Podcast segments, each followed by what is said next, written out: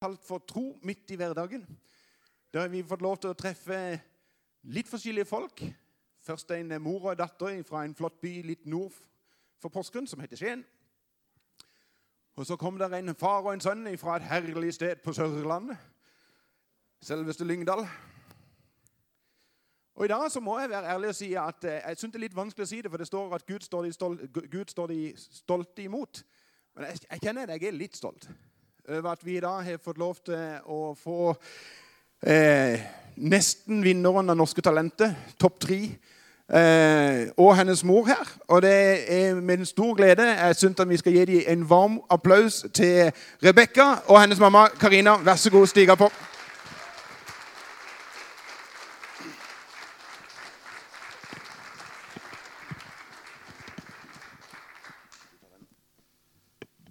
Så tar du den. Og Det som er så fint når vi er samla sånn som dette, her, det er at vi kan få lov til å drikke kaffe. Og jeg vet at, eh, Karina hun drikker kaffe. Og så er det spørsmålet Rebekka vil du ha vann. Ja. Det, her må vi bruke taletut når vi snakker. Så det Sitter folk greit? Vi har det greit der nede. Flott. Eh, de av dere som kom litt seint til gudstjenesten i dag, eh, dere gikk glipp av at eh, Rebekka allerede har spilt. Så det er litt sånn eh, Husk å komme tidlig på gudstjeneste. Vi i PMK starter gjerne rundt klokka 11, som en sa. Um, du, jeg, må bare nødt til å spørre før vi spør om noen ting annet. Har det vært gøy å være med på Norske Talenter? Det har vært eh, kjempegøy. Kjempegøy. Du, fortell meg, Norske Talenter. Altså, hvor stort er det egentlig? Hvor mye folk er det som er med? Eh, jeg tror det var rundt 6000 som meldte seg på. Eh, og så var det jo en del auditionrunder, og så er det jo dommerutvelgelse for de fleste. og så er det semifinale og finale. Så seks semifinaler. Så ca. 6000, og så er du topp tre? Ja. ja. Det er um, Du er 16 år nå, Rebekka. Ja. Hvor gammel var du når du begynte å spille fiolin? Jeg var åtte og et halvt. Åtte år. Og Hva er det som gjorde at du fant ut at du skulle begynne med fiolin? Jeg så Alexander Rybak vinne Eurovision. da. Så da fikk jeg lyst til å begynne. Men da var jeg jo seks år, for det var i 2009. Eh, men mamma likte jo ikke fiolin, da. Så, ja, så jeg måtte mase litt altså, for å si det sånn, De fleste av oss foreldre kan jo skjønne din mamma.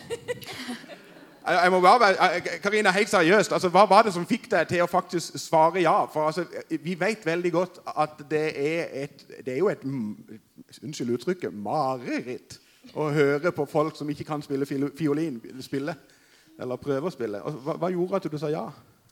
Det var jo det at hun masa så intenst i over to år. Altså, jeg hun har jo søsken, og jeg tenkte liksom at uh, mest sannsynlig så uh, Selv om hun spurte jeg vil begynne å spille fiolin, ja, tenkte jeg, det gir seg jo snart. Så jeg regna med at det kom et spørsmål om at hun ville spille noen andre ting. Eller kanskje ville gå på fotball eller håndball. eller altså, ikke vet jeg, Men det kom ikke noen flere spørsmål. Det var bare 'Mamma, jeg vil begynne å spille fiolin'. Ja, tenkte jeg. Så jeg lot det liksom bare ligge og ligge og tenkte jo mer jeg lar det ligge, jo mer roer jeg huset. Men det stemte jo ikke. Så etter to år så var jeg i en bursdag, og der traff jeg ei dame som hadde barn som spilte fiolin. Få det telefonnummeret til den fiolinlæreren, da, så skal jeg vurdere det. Og sånn blei det.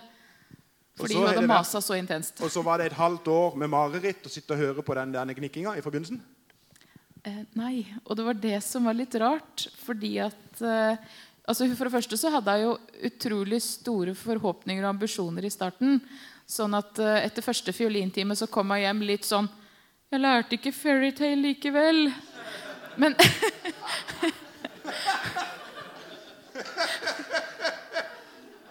Og ikke fikk de lov å bruke buen med en gang. Sånn at de måtte liksom bare pizzicato, som jeg har lært det heter, uh, med fingrene på strengene. Og hun går jo da selvfølgelig hjem og øver med bue. Og så, etter tre måneder, så står hun på den første konserten på kulturskolen og spiller eh, 'Glade jul' helt klokkereint. Og så sier læreren jeg har aldri hatt en elev som har blitt så flink så fort. Og jeg hæ? tenkte jeg og kikka på de andre foreldrene. Det her var veldig stas og litt flaut.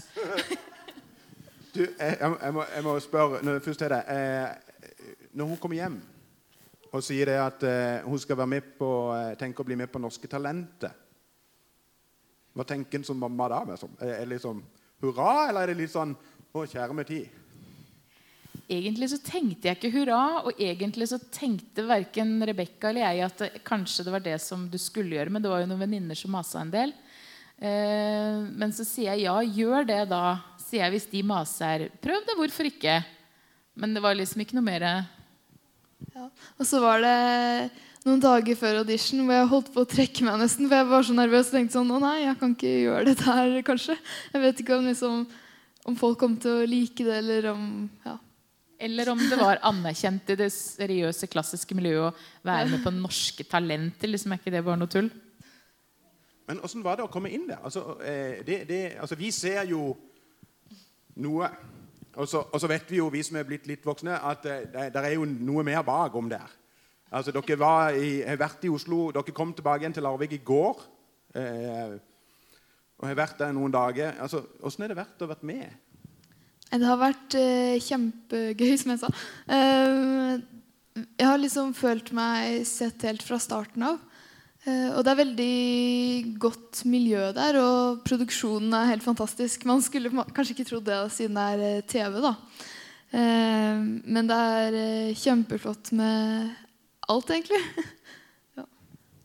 Du, eh, jeg må bare spørre. Eh, Vi, vi så det jo her i, start på, i starten av filmen, for dere som var på tida. At, eh, at eh, på første audition så, så får hun gullknappen. Hva, hva tenker dere da? Hva, hva er det som på en måte går gjennom hodet? Nei, Jeg skjønte det ikke helt med en gang. Jeg tror folk kunne se før meg da, at hun begynte å løpe. Eh, og jeg bare Hva skjer? Og så så jeg det var noe som bevegde seg litt sånn i sidesynet. Og så jeg bare Hva? Jeg klarte liksom ikke å forstå det helt. da Så det var jo ja, helt utrolig. Men eh, jeg forsto det kanskje ikke helt før eh, på vei hjem i bilen. Men, men, altså, du får gullknappen og går eh, med, på den måten direkte til semifinalen. Og så kommer du til semifinalen, og så får du gullknapp én gang til. Hva tenker mamma da? Jeg vet nesten ikke hva jeg tenkte, for jeg var nesten sånn ute av meg sjæl-opplevelse. Men, men det var helt sprøtt, for jeg sitter på bakrommet under semifinalen og livesendinga og får jo sitte sammen med de andre deltakerne og ser opptredenen. Og idet hun trykker på gullknappen, så tenkte jeg Hæ, er det mulig? Altså, Dette her kan jo ikke skje en gang til. Det var jo bare helt surrealistisk. Så det var helt, helt spesielt. Så Veldig mange av dere satt jo så på dette på finalen. Eh, og, og eh, Jeg må være dønn ærlig og si jeg var sikker på at du skulle vinne. Eh, ja. Og, og, men det som, det som slår meg når, jeg ser deg spille for, for det første så er det Og dette skal du ha. De som kjenner meg, vet at det er ikke akkurat klassisk musikk jeg hører mest på. Jeg har ikke langt hår sånn helt uten, uten grunn. Eh, men jeg tror faktisk det er første gang at noen med ei fiolin noe fele, har fått meg til å felle tårer. Eh, og ikke bare én gang, men faktisk for samtlige opptredener du har hatt. Så jeg ser deg hjemme med snørr og tårer. Eh, og, og da lurer jeg litt på eh, For det første, hvor mye øver du egentlig? Eh, jeg prøver å øve opptil tre timer hver dag. Eh, Tre timer?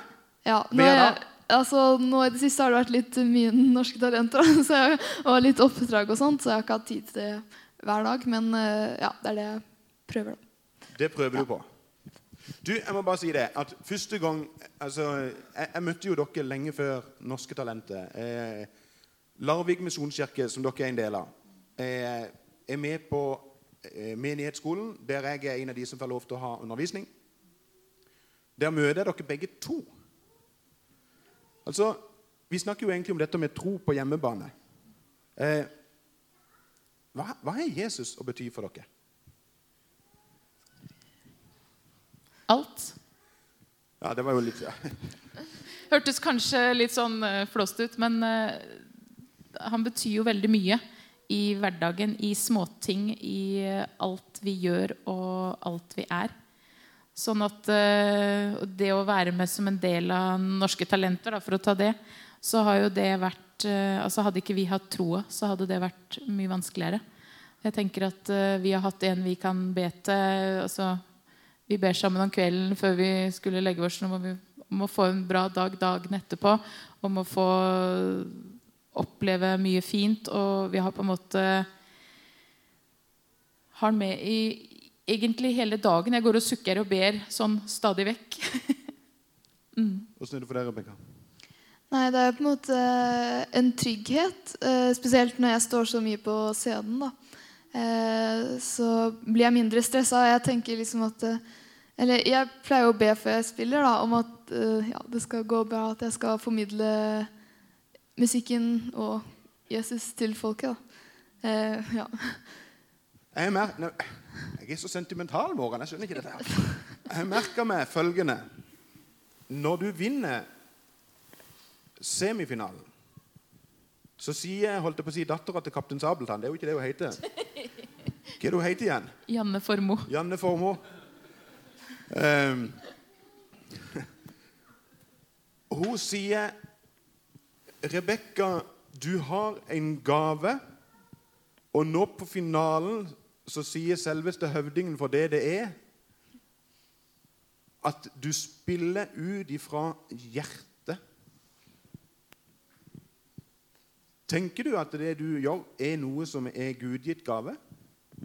Jeg tror at jeg har fått en eh, gave fra Gud. Eh, så er det jo flott å kunne bruke den gaven og på en måte gi litt tilbake. da. Eh, og spille til Gud og folk. For jeg tror jo det er kanskje noe av det som gjør at vi så mange som blir så veldig eh, berørt. Eh, eh, jeg, jeg sitter på og tenker på For, for du som mamma, Karina. Eh, du har vært kristen i mange, mange år. Har har du noen gang hatt noen sånn plan for, for hvordan Rebekka skulle på en måte få en tro? Nei. Ingen plan. Det har på en måte bare vært veldig spesielt helt fra hun var veldig lita. Hun har alltid vært veldig bevisst eh, hva hun har trodd på sjøl.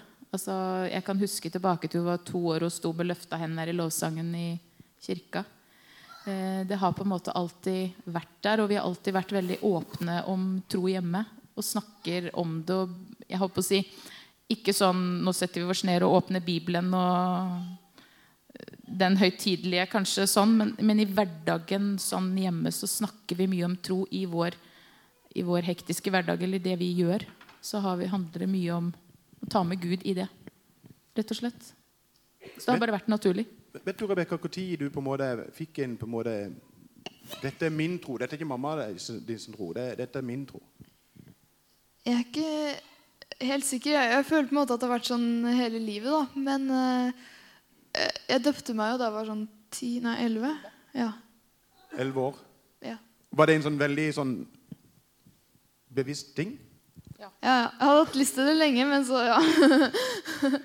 ja så passa det, da. Var det sånn at du tenkte nei, hun er litt for ung? Nei, ikke for Altså, det var jo noen som sa det. He, kan hun på elleve år ha bestemt sjøl at nå vil jeg bli døpt? Men, men for meg så, eller for oss så var det helt naturlig fordi at eh, hun var så bevisst. Altså, hun har alltid tort å stå opp for det hun har trodd på. Har noen sagt noe stygt, ja, eller eh, jeg håper å si sånn, ikke mobbing, men litt sånn nerting med venner, og sånn, så har hun alltid vært eh, alltid stått for det hun trodde på. Aldri vika for det. Alltid forsvart det. Jeg møtte dere som sagt på, på, på menighetsskole. Eh, da var du sånn 14-15 år. Eh, jeg ble litt sånn overraska over at du var med, for de andre var litt eldre. Hva betyr menighet for deg? Det er jo viktig å ha et sted man kan gå Ja, gå og føle seg hjemme og ja, med andre folk og det fellesskapet. da. Og ja, få spille i lovsangen, f.eks., som jeg gjør. da. Eh, det syns jeg er veldig flott å få spille i lovsangen. Og ja. For din del, som mor, menighet. Menigheten har jo vært den viktigste del av livet mitt siden før jeg ble født. Så har, vært, har jeg bodd litt forskjellige steder og vært litt i forskjellige menigheter. Men uansett hvor jeg har bodd, så har jeg alltid trukket til en menighet. Fordi det har på en måte vært Det er en trygghet, og det er et uh, samhold i en menighet som er annerledes enn i andre jeg skal jeg si klubber hvis, altså i forhold til sånne ting. Fordi at det er, man har felles tro og man har felles mål. og uh, kjenner på det når man er sammen med andre. Man kan være seg sjøl, forhåpentligvis. Mm. Rebekka, når du sier at du driver og over tre timer hver dag Hvor langt har du tenkt å ta dette her?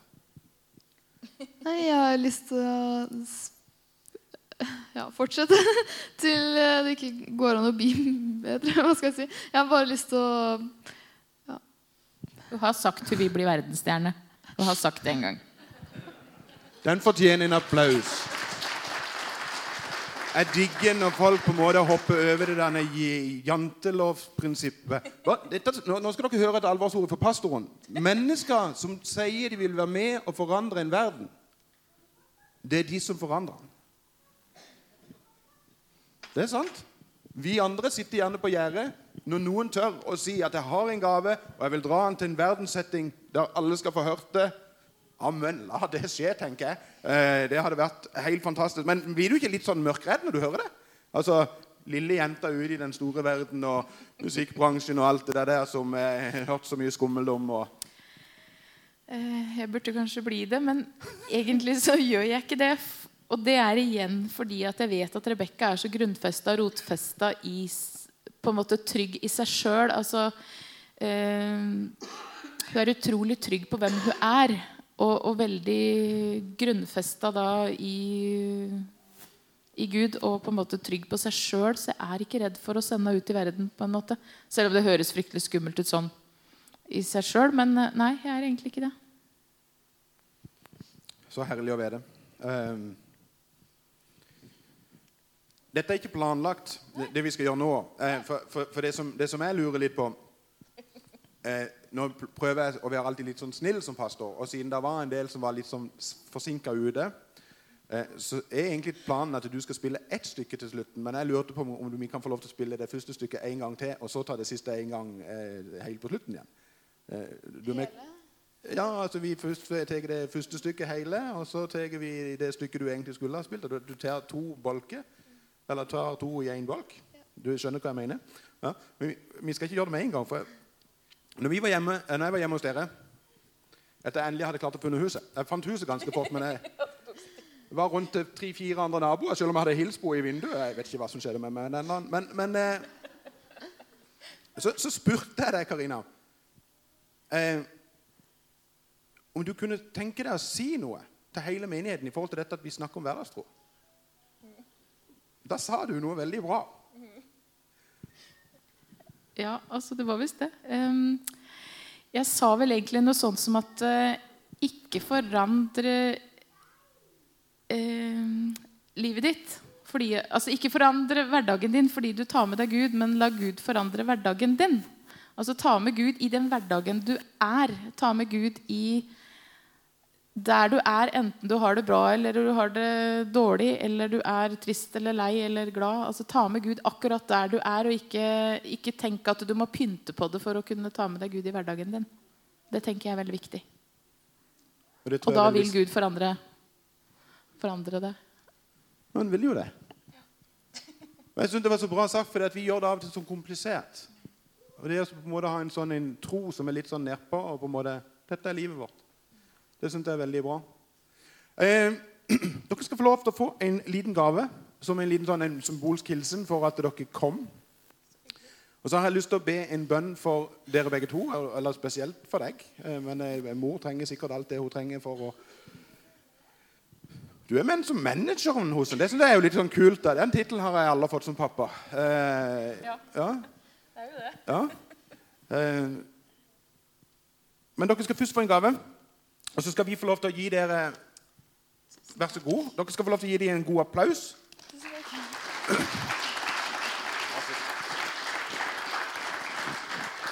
Og så har jeg lyst til å be en liten kort bønn. Og mens de gjør det, så skal Bjørn få lov til å sette seg med pianoet.